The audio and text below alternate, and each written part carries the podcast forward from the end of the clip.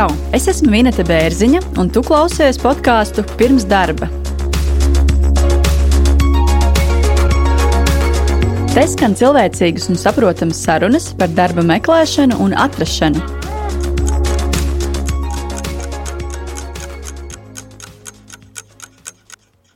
Labvakar, nu jau ir septiņi vakarā, esam pieslēgušies. Šodien sarunā es, Vineta Bērziņa, podkāstu pirms darba autore, arī Juris Garjāns šodien varēsiet dzirdēt, un pie manis arī kā īpašais viesis šodien ir Baiba Lauva. Viņa ir personāla atlases speciāliste un karjeras konsultante. Un šodien tāda interesanta saruna Clubhouse, plus arī ir doma šo trans translēt otrdienas epizodē jau astoņos no rīta šo karjeras konsultāciju. Tātad šodienas formāts - atvērtā karjeras konsultācija podkāstā pirms darba, kur atbildēsim mēs šodienas šodienas runātāji gan uz klausītāju iesūtītajiem jautājumiem, uz darba meklētāju jautājumiem, gan arī būsim priecīgi, ja pacelsiet savas rociņas. Un, un tad, jā, varbūt, varbūt varam jau sākt. Divas minūtes jau ir pāri. Visiem paldies, kur ir ieradušies. Sveika, sveika arī Baiba. Vai gribi ar sevi iepazīstināt? Sveiki, labvakar, un tad priecājos iepazīties. Esmu Baiba, strādāju gan personāla atlasē, gan arī kā karjeras konsultāte jau pietiekami ilgu laiku, lai varētu arī padalīties ar savām zināšanām. Un paldies Vinetai, kas man uzaicināja šovakar piedalīties šajā karjeras konsultācijā, podkāstu veidā mazliet. Uh, ir vairāki jautājumi, jā, kas ir iesūtīti no darba meklētājiem. Varbūt sākšu ar pirmo, uh, kas bieži vien izskan, uh, cik droši šobrīd vispār ir mainīt darbu, ņemot vērā šo visu Covid situāciju. Nu, es laikam atbildu šo jautājumu tā darba meklētājiem, ja tev ir darbs šobrīd, kas, kas apmierina, tā skaitā atalgojums, tiešais vadītājs, pienākumi un visi pārējie faktori, tad nu, vis, nu, visticamāk, varbūt nebūtu tas pats piemērotākais brīdis, lai mainītu darbu, jo attiecīgi šajā mainīšanas periodā, protams, ir jāņem vērā arī tas, ka būs pārbaudas laiks, un, un bieži vien, diemžēl, ir, ir tā, ka varbūt no tiem jauniem darbiniekiem arī visbiežāk atvedās no pirmajiem. Baiba, kāds, kāds ir tavs viedoklis, vai tu piekrīti? Um, daļai piekrītu, ka tomēr šajā laikā mainīt darbu varētu būt nedaudz sarežģītāk, tīpaši tieši tā viss apmierina esošajā darba vietā. Taču, ja mēs tomēr jūtamies nenovērtēti un tā teikt, esam izsmēluši sevi darbā un jūtam, ka šī nav mūsu īstā vieta, tad iesaku esot darba attiecībās, pastīties apkārt, pastīties, kādas vispār ir iespējas tajā profesijā, kurā tu esi šobrīd. Un, ja tu redzi, ka ir iespējas un ir piedāvājumi, tad jebkurā brīdī tu jau vari pamēģināt un aiziet uz interviju, kā es saku, vienmēr ir Jā. ļoti vērtīgi. nu, jā, savā ziņā nevaru arī nepiekrist, jo es kā personāla speciālists, kurš šobrīd varbūt uzrun, uzrunā cilvēkus uz vakancēm, nu, būtu muļķīgi teikt, nu, nē, tagad nemainiet darbus. Jo manās interesēs, protams, ir, lai cilvēki maina darbus un lai viss, teiksim, tā notiek šajā darba tirgu. Tad, jā, vēl arī skatos savā sarakstiņā, ir, ir pāris cilvēki iesūtījuši jautājumus, un viens jautājums bija, neatceros vairāk, kā, kā šo dāmu sauca, bet jautājums bija tāds, ka bieži vien attiecīgi mēs podkāstā, ja es minu to, ka CV ir jāpielāgo darba sludinājumam, un intervijā ir jārunā arī tas, ko darba devējs meklē. Un tad jautājums bija tāds, vai tad dienas beigās nesanāk tā, ka tā ir melošana, jeb savas personības ierobežoš ierobežošana. Nu, te, ko es varu atbildēt, ka jā, taisnība. Es ļoti bieži gan arī podkāstā, gan arī Varbūt cilvēkiem, kur, kuri pie manis vēršas pie, pie, pēc konsultācijas darba meklēšanā šo stāstu, cik ļoti svarīgi ir pielāgot šo CV uh, un motivācijas vēstuli uh, tieši konkrētai vakancei. Uh, manuprāt, tā nav melošana tādā gadījumā, ja tu stāsti patiesību un varbūt nepiepušķo kaut kādas lietas un nemelo, nu, manuprāt, tā noteikti nav melošana. Jā, manuprāt, ir tā, ka CV noteikti vajadzētu pielāgot katrai darba vietai, uz ko sūta. Tas ir tāpēc, ka katrā darba vietā ir tie tās prasības un tie pienākumi, kurus mēs varam salīdzināt ar savu esošo pieredzi. Un piesakoties varbūt uz nedaudz savādāku pozīciju, mēs varam uzsvērt vienkārši citas lietas, bet uh, arī, kā Vineta minēja, protams, mēs nemelojam, nepiepušķojam, jo ja mēs sāksim tur strādāt, agri vai vēl mūs atkodīs, ka mēs kaut ko esam pateikuši, Protams. to, kas nav taisnība. Tāpat arī par intervijām. Es iesaku būt godīgam, teikt tā, kā ir, vienkārši padomāt, kā mēs izsakām savu domu un nevajadzētu izteikties varbūt negatīvi, bet vajag izteikties patiesi par to, kāda ir varbūt situācija, kā tev ir darbā, kas tev patīk, kas tev padevās un nepadevās. Jo ja mēs atbildēsim uz jautājumu, kad mums viss patīk, un izrādās mums, piemēram, ļoti nepatīk kārtot dokumentāciju darbā, un mēs piekritīsim tur strādāt, un izrādās tur ir tikai viena vienīga papīra. Tad nu, būs ziepes. jā, tad diez vai mēs būsim laimīgi. Tad vēl viens jautājums, ko, ko Ēriks bija iesūtījis. Vai rakstīt CV, ka esmu uzņēmuma CEO, dibinātājs un vadītājs? Vai, ko tu atbildētu Ērikam? Patiesībā ir tā, ka es šīs palielam visas pozīcijas skatos nedaudz vienādi. Bet ļoti bieži vadītājs nav arī dibinātājs. Tā kā ir jāsaprot, kas mēs esam uzņēmumā. Ja mēs tiešām esam dibinātājs, tad es labāk iesaku vismaz angļu valodā noteikti rakstīt CEO. Man tas arī vairāk uzrunā, tad es vairāk saprotu. Bet, ja tu esi bijis varbūt uzreiz zem valdes, tad tu esi tomēr vairāk kā vadītājs. Vārds dibinātājs man personīgi kaut kā neuzrunā. Tas varbūt ir mans ļoti subjektīvais viedoklis. Man liekas, tas jautājums no Erika bija vairāk tāds, ka vai viņam vispār likt attiecīgi CV to, ka viņš ir uzņēmuma vadītājs, ņemot vērā to, ka darbu meklē varbūt ne vadības pozīcijās, bet pilnīgi kaut, kaut ko citu, citā sfērā, teiksim tā. Um, Es teiktu, ka uh, ir jāliek, jo mēs nevaram melot. Un tādā gadījumā mēs varam tieši pielāgot varbūt šo motivācijas vēstuli, kurā mēs izskaidrojam, kāpēc uh, mēs gribam tā teikt, varbūt aizvērt savu uzņēmumu un kāpēc mēs arī meklējam kādu citu darbu. Bet uh, rakstīt pēkšņi amatu, kurā es īstenībā neesmu strādājis, nebūtu pareizi, jo, nu, es teikšu, ka Google visu var atrast un mēs visu varam noskaidrot.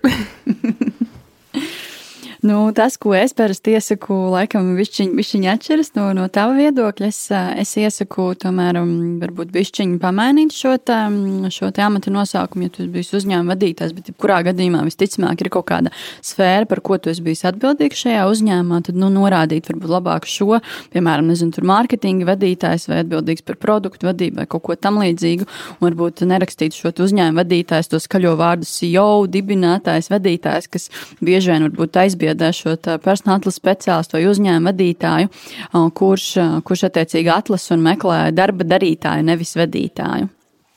Ko tu par to saki?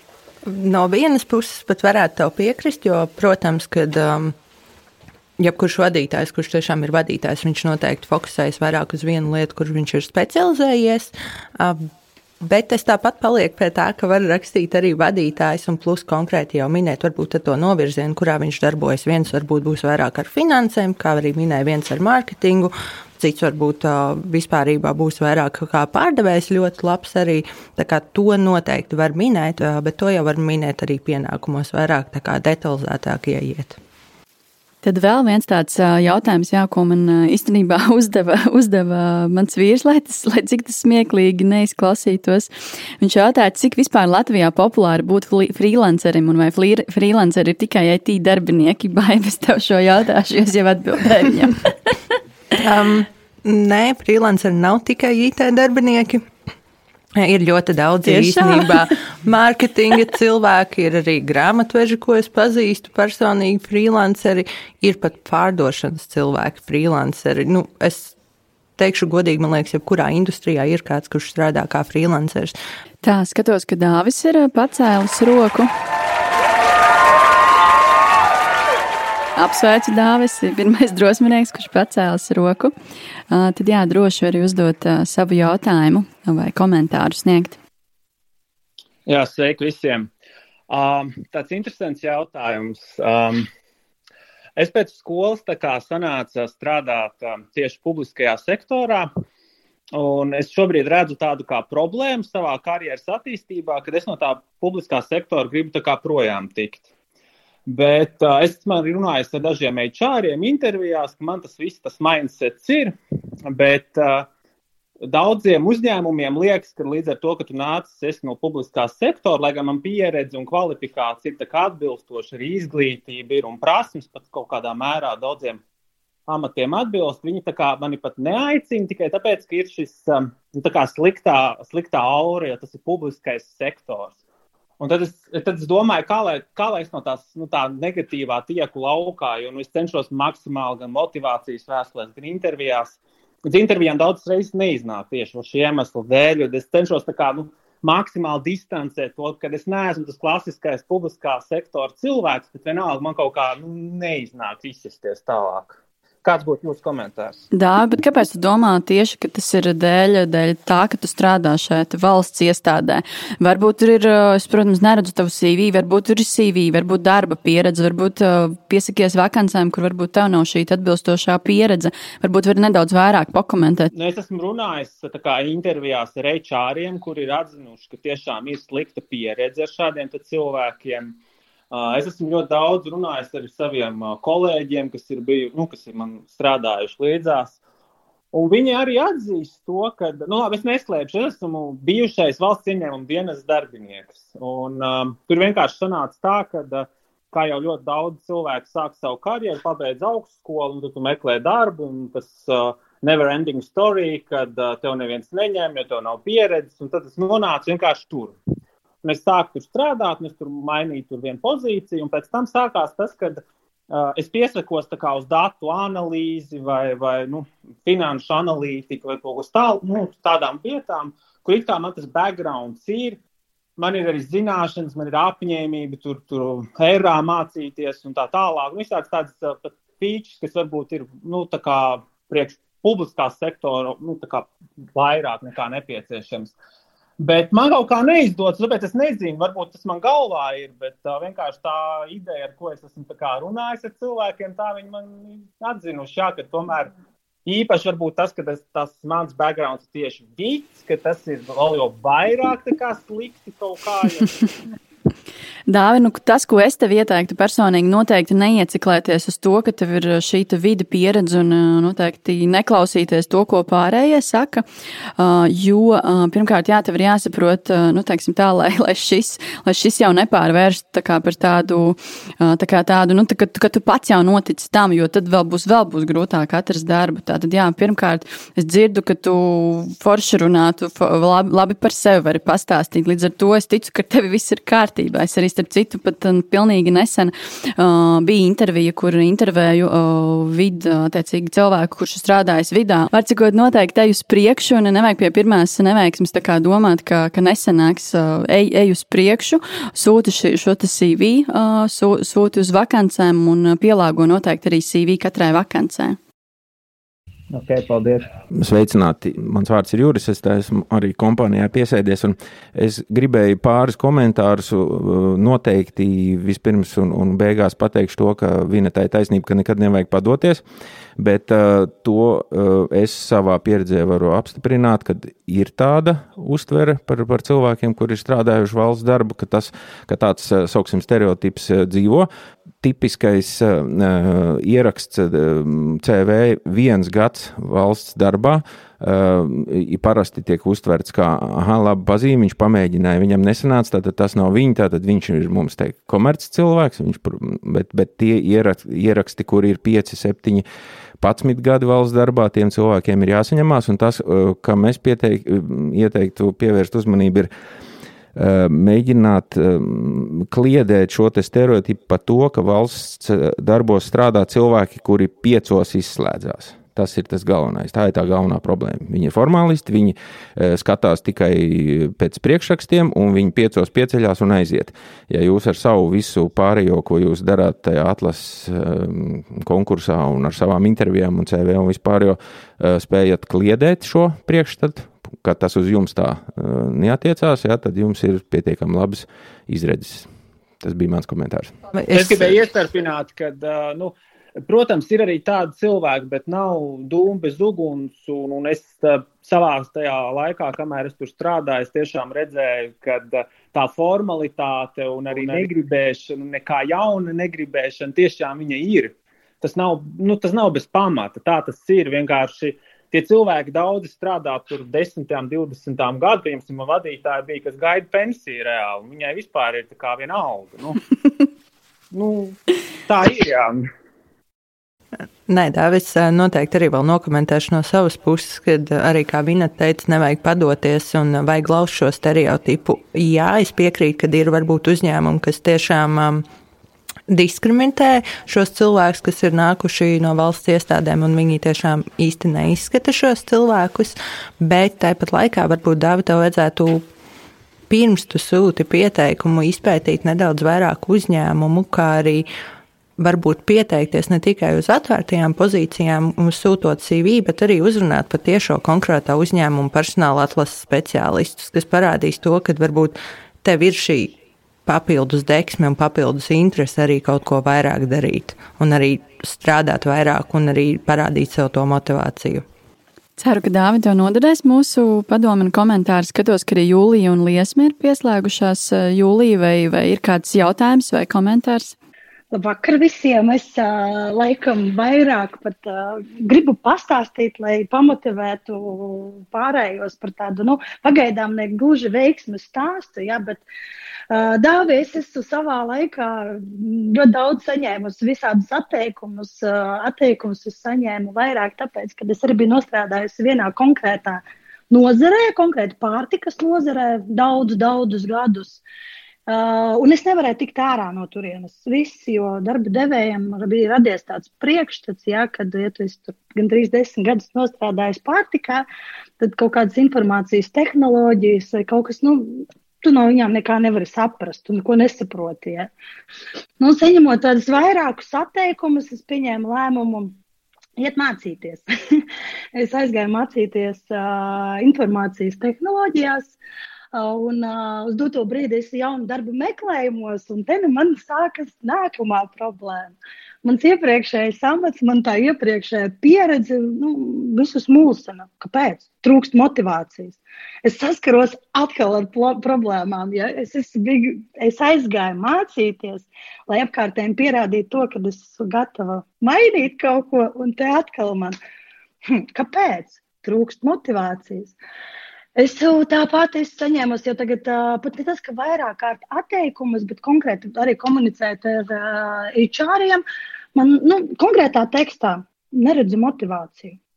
Oh, varbūt tas, arī precizēt, neredzi motivāciju CV vai, vai kur neredz to motivāciju? Es, man tā iepriekšējā, iepriekšējais amats ir bijis veikala tīkla vadītāja, komercdirektori.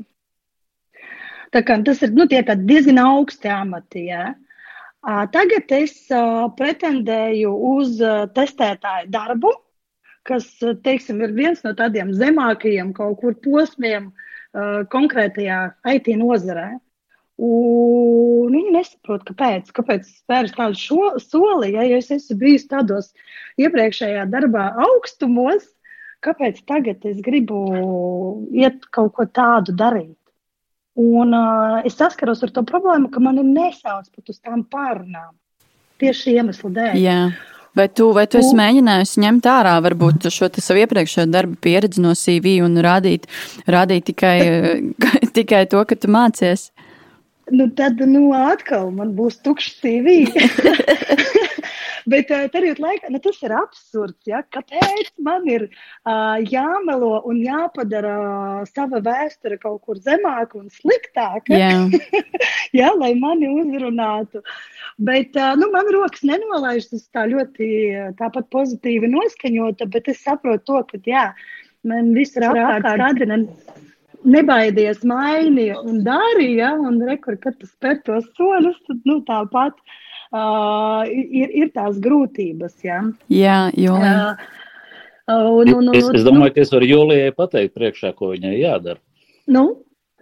Um, nu, ja grib IT jomā iet iekšā, nu, ir mums lielie milži Rimčiks, Maksima. Viņiem ir ļoti nopietnas IT komandas. Un viņiem noteikti ir vajadzīga QA. Jā, tur ir kur šādas te, uh, lietas, un vajag sākt teiksim, no šīs savas zināmās industrijas, iet iekšā IT, un pēc tam jau var pārvietoties kaut kurien citurien. Paldies, Egīlam, par, par komentāru. Jā, tā, tāds paldies ieteikums ir diezgan labs. Es gan neesmu manījusi viņam dotajā brīdī tādas brīvas vakances. Rimčikā pastāvīgi ir brīvas vakances IT jomā. Vajag iet, man liekas, ir CVLV Ir, ir, es redzēju, bet viņam nav QA piedāvājuma. Paldies, paldies, Jūlija. Un... Jā, jā, jā. Paldies, jā, Jūlija un Egils. Skatos, ka arī Lienē un Liesma ir pievienojušās, kas, kas arī ir ēčāras speciālistas. Jā, varbūt, varbūt Lienē tev vārds, varbūt tev ir kāds komentārs. Jā, manuprāt, ļoti interesanti, ko Jūlija stāsta, kad noteikti daudziem cilvēkiem, kas intervē Jūliju, ir tāda sajūta, hei, no tādiem augstiem, tā teikt, um, no tādas augstas pozīcijas, kāpēc tad augšā, nu, tā kā apakšā uz tādu quality assurance uh, pozīciju. Manuprāt, tev, Julija, vajadzētu skatīties uz to darbu pieredzi, kas tev jau ir, un uz tām prasmēm, kas tev ir, un mēģināt viņus tā kā motivācijas vēstulē ievīt iekšā, lai paskaidrotu, kā tās tavas prasmes, kas tev jau ir, tev varētu palīdzēt kļūt labai uh, QA speciālistei. Un tādā veidā, nu, piemēram, tas var būt viens no veidiem, tu varētu parādīt, ka, hei, man ir prasmes, kuras var būt svarīgas šajā pozīcijā, un tāpēc es šeit piesakos. Un, manuprāt, vienmēr šādai krasai pārmaiņai no vienas pozīcijas uz otru pozīciju apakšā ir noteikti stāsts. Tev noteikti ir kaut kāda ideja, vai tu nonāc dzīvē līdz kaut kādam punktam, kāpēc es nonācu pie tā, ka tu tagad vēlies, tā teikt, uz 360 grādiem mainīt savējo um, karjeru un stāstu šo stāstu. Jo es teikšu, godīgi, no HR un rekruteru perspektīvas, tas, kas man apakšā interesē, redzot šādu CV, ir tas stāsts. Kāpēc pēkšņi no tās jomas tu vēlēsies iet uz to jomu? Un es zinu, ka tev ir stāsts, tev vienkārši ir jāizdomā, kā to stāstu smuki iepakot un pasniegt. Sāc ar to industriju, kurā tu jau esi, tā teikt, pārdošana, un skaties uz Latvijas lielākajiem veikaliem vai veikaliem kā tādiem, kur varētu meklēt tavā tagadējā jomā speciālistus. Un tādā veidā tu parādīsi, ka tev ir jomas tā teikt, jau prasmes, un tu saproti, teikt, par ko iet runa. Plus, tev būtu iespēja arī vēl e, savas jaunās prasmes izmantot. Tas tāds padoms. Pal, paldies, Liena, jā, par brīnišķīgo paldies. padomu un komentāru. Skatos, ka arī Ines ir pievienojusies. Ines, vai jūs esat darba meklētāja, vai ir kāds uh, jautājums? Uh, nē, es neesmu darba meklētājs. Es esmu cilvēks, kurš uh, profesionāli ikdienā to dara. Uh, Tagad, teiksim, strādāju lielā kompānijā Latvijā, kas uh, meklē darbiniekus. Uh, es vēlējos padalīties varbūt ar tādu vienu, uh, manuprāt, ļoti vienkāršu lietu, ko mēs katrs varam darīt un kas ir būtiska - kontaktu dibināšana. Tādā ziņā, ka, ja mums ir pieredze strādājot lielos uzņēmumos vai mazos uzņēmumos, dibināt kontaktus ar dažādu līmeņu vadītājiem, ar darbiniekiem, stāstīt par sevi, par savām interesēm, ko jūs gribētu attīstīt. Kā es nonācu šajā profesijā, mani satika cilvēks, kurš mani agrāk pazina. Un, uh, Es esmu arī pati uzrunājusi savus draugus vai, vai, vai kādreiz esam kopā strādājuši cilvēkus un ieteikusi viņus citiem darba devējiem. Jo es atcerējos konkrētā brīdī, es iedomājos, ka šis cilvēks viņiem būtu piemērots un, un, un, un teiksim tā, ko vienmēr saka, nevajag sadedzināt visus tiltus, bet veidot pozitīvu komunikāciju un uh, ļaut cilvēkiem atcerēties un iedomāties par mums. Paldies, Ines, jā, par, jā. par, par ieteikumu. Sveiki, Liesma. Es gribēju vēl pakomentēt.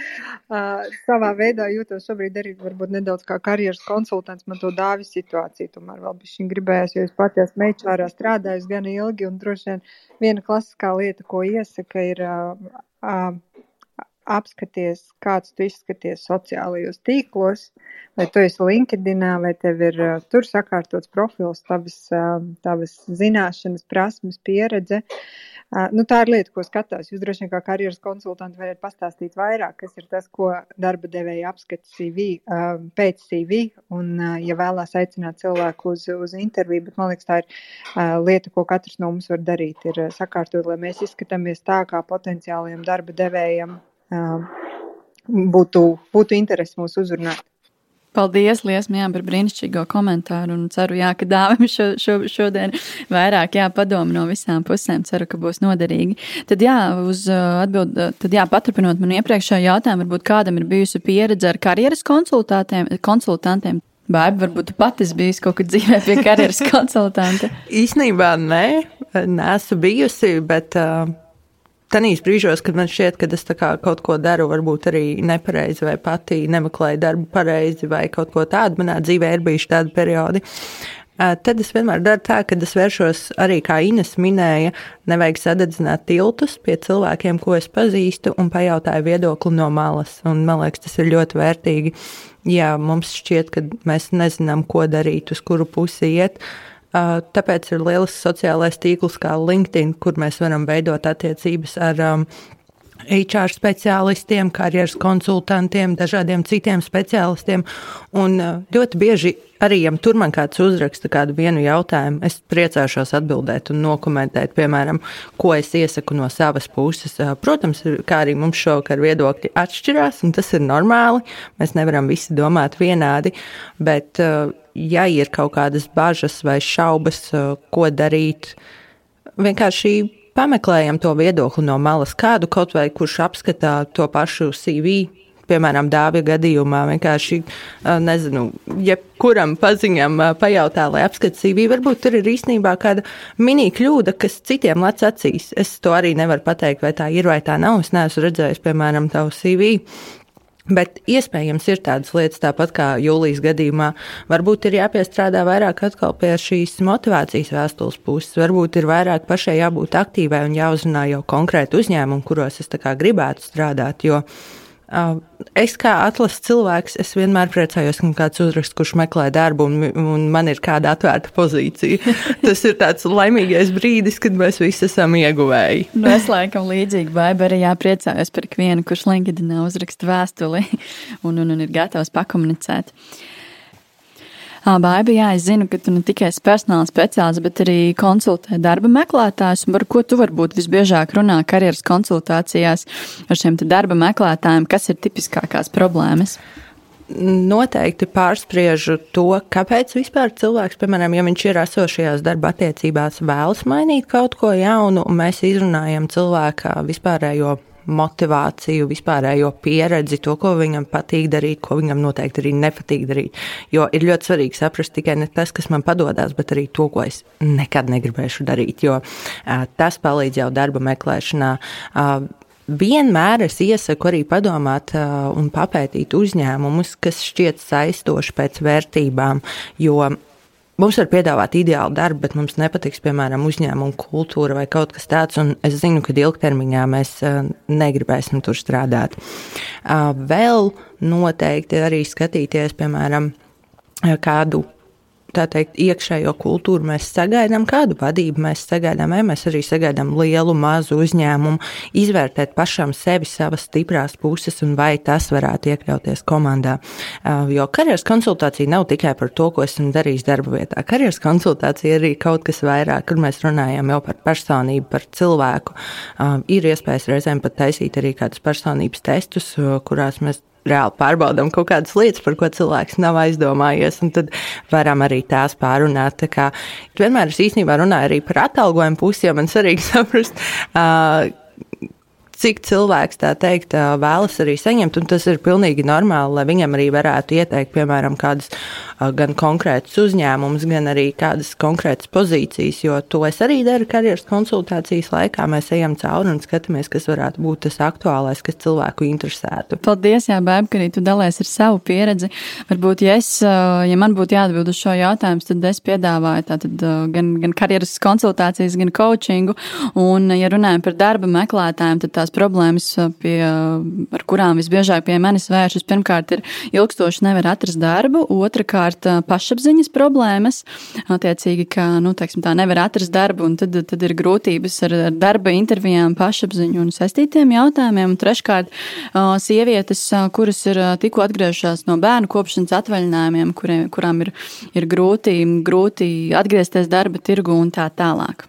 Vēlreiz, Juris, es, es gan neesmu klausītājs un darba meklētājs, bet es uh, iztēlojos, ka mūsu klausītāji pietiekami uh, kautrīgi cilvēki un rokas neceļ, bet viņus iespējams ļoti interesē visādi konkrēti jautājumi.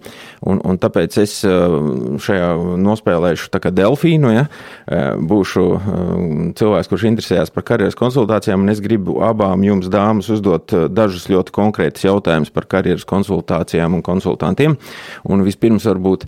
E, kā cilvēkam, kurš e, nav meklējis, vai kurš, kurš pēkšņi izdomā, ka tagad viņš grib to karjeras konsultāciju, kā viņam to karjeras konsultantu atrast, kur viņi ir? Nu, es noteikti sākumā ieteiktu meklēt LinkedIn, ja tu esi LinkedIn, tad tur var ierakstīt atslēgas vārdu karjeras coach vai karjeras consultant un atrast jā, Latvijā cilvēku, kas attiecīgi konsultē šajā tēmā. Nu, tas ir laikam pirmais, ko es minētu. Es varu īstenībā tikai piekrist. Bet reizēm arī var vienkārši apjautāties kādam paziņam, kurš zina, ka ir jau bijis pie kāda karjeras konsultanta, un vienkārši noskaidrot, ar ko viņš ir ticies un kāda ir bijusi viņa pieredze. Bet LinkedIn noteikti ir vieta, kur gan mēs meklējam darbiniekus, gan arī mūsu kā karjeras konsultants var uzrunāt.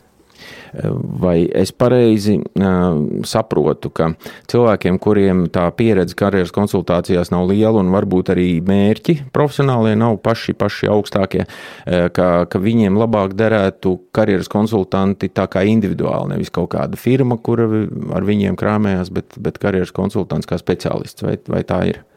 Es piekrītu, jā, jo, protams, būs vairāk šī individuālā pieeja. Ticu arī, ka šī kvalitāte droši vien kaut kādā ziņā arī atšķirsies, jo tas varbūt nav tāds konvejers, bet tas ir jā, tuvāka tā pieeja. Varu īstenībā arī šeit piekrist Vinetē, jo tiešām, ja tā ir individuāla konsultācija, nevis konkrēts uzņēmums, tad būs tā īpašākā pieeja. Es arī no savas puses varu minēt, ka tie, kas pie maniem vēršas, ja man arī uzrakstīs eh, svētdienas vakarā ar jautājumu, es noteikti atbildēšu. Esmu tas cilvēks, kurš arī pēc darba laika vienmēr, nu, ja ir kāds gadījums, atbildu. O, bet vai to darīs kompānija? Diez vai, diemžēl. Jā, labi. Es no darba ņēmēja puses varu to nokomentēt, ja, jo es esmu freelance un, un, un regulāri mainu darba vietas, ja, vai pa gadu, vai pa divu pusi, vai kā. Ja. Es, jā, es arī esmu LinkedIn, man tur ir pārpa 700 kontaktiem. Uh, un, un tad, kad tu tur esi pietiekoši ilgi, šie headhunteri paši tevi atradīs, ja tu esi pietiekoši interesanti. Un uh, man ir tā, ka es teiktu, ja, nepaiet nedēļa, kad man nebūtu vismaz viens e-mails ar kaut kādiem piedāvājumiem, vai tu negribi to, vai tu negribi to. Ja, tā, ja LinkedIn tas ir nu, ļoti spēcīgs ierocis. Eh, cik viņš ir stiprs tieši Latvijas mērogā, es nemācīšu pateikt, bet, nu, teiksim, eh, ja skatās kaut kur Eiropas virzienā, tad tas noteikti nostrādā. Ir Jā. drošāk, drošāk tiešām iet caur headhunteru, eh, jo viņiem ir šī datu bāze lielāka ar to, kāda ir pieprasījumi, kur ir pieprasījumi, Un, ja pats sāk zvanīt 101 kompānijai apkārt, vai jums gadījumā nav atvērta pozīcija, nu, var nonākt arī melnajā sarakstā. Piekrīt, jā, un arī, ko varbūt es ieteiktu, ja tu rakstīji kādam personīgi, tad, nu, tad labāk, jā, gan arī savu CV nosūtīt, gan arī rakstīt to tiešām, ko, ko tu meklē un ko tu vēlēs, nevis uh, rakstīt atvērtu jautājumu, re, kur es esmu, piedāvājiet man kaut ko.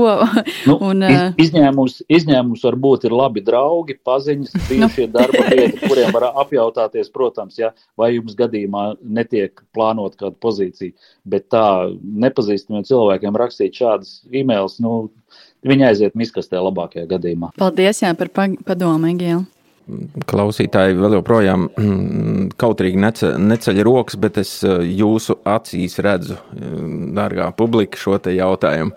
Es, es, es to uzdošu, saņemšos un uzdošu jūsu vietām meitenēm Vinetei un Baibai. Cik maksā karjeras konsultācijas? Tātad karjeras konsultācijām ļoti dažādas cenas. Tās stundas konsultācijas cena ir sākot no 30, 40 eiro līdz pat 100 un 200 eiro par vienu stundu.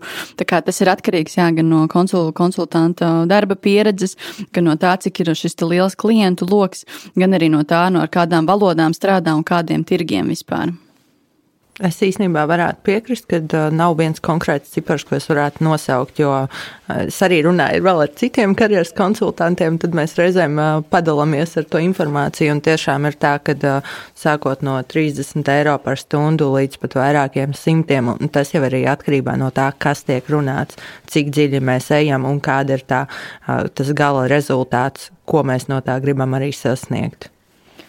Paldies! Jā, mūsu laiks šodien ir iet uz beigām. Lielas paldies visiem, kuri, kur uzdeva savus jautājumus, kur bija drosmīgi. Paldies tiem, kur iesūtīja jautājumus. Paldies arī Jurim, kurš piedalījās šodienas sarunā. Tātad pirms darba podkāstu pro producents arī Baibai. Paldies! Baiba ir Enjoy Recruitment personāla atlases speciālists un arī uh, karjeras konsultanti. Un tad tiekamies uh, otrdien podkāstā pirms darba, kur dzirdēsiet uh, ļoti daudz un uh, svarīgu un foršu informāciju darba meklētājiem. Tātad klausieties! podkāstu pirms darba un sekojiet droši arī LinkedIn un sociālos tīklos gan man, gan Jurim, gan Baibai. Atā! Atā. Tu noklausījies podkāstu pirms darba. Lai nepalaistu garām nākamās nedēļas epizodi, seko maniem ierakstiem LinkedIn un Facebook. Abonēt jaunās epizodes un noklausīties iepriekšējo sezonu intervijas var visās podkāstu platformās un YouTube. Ja esi pozitīvs un vēlies atbalstīt manu darbu, raksti komentārus un pārsūti manus ierakstus savam draugu pulkam. Uz tikšanos podkāstā pirms darba!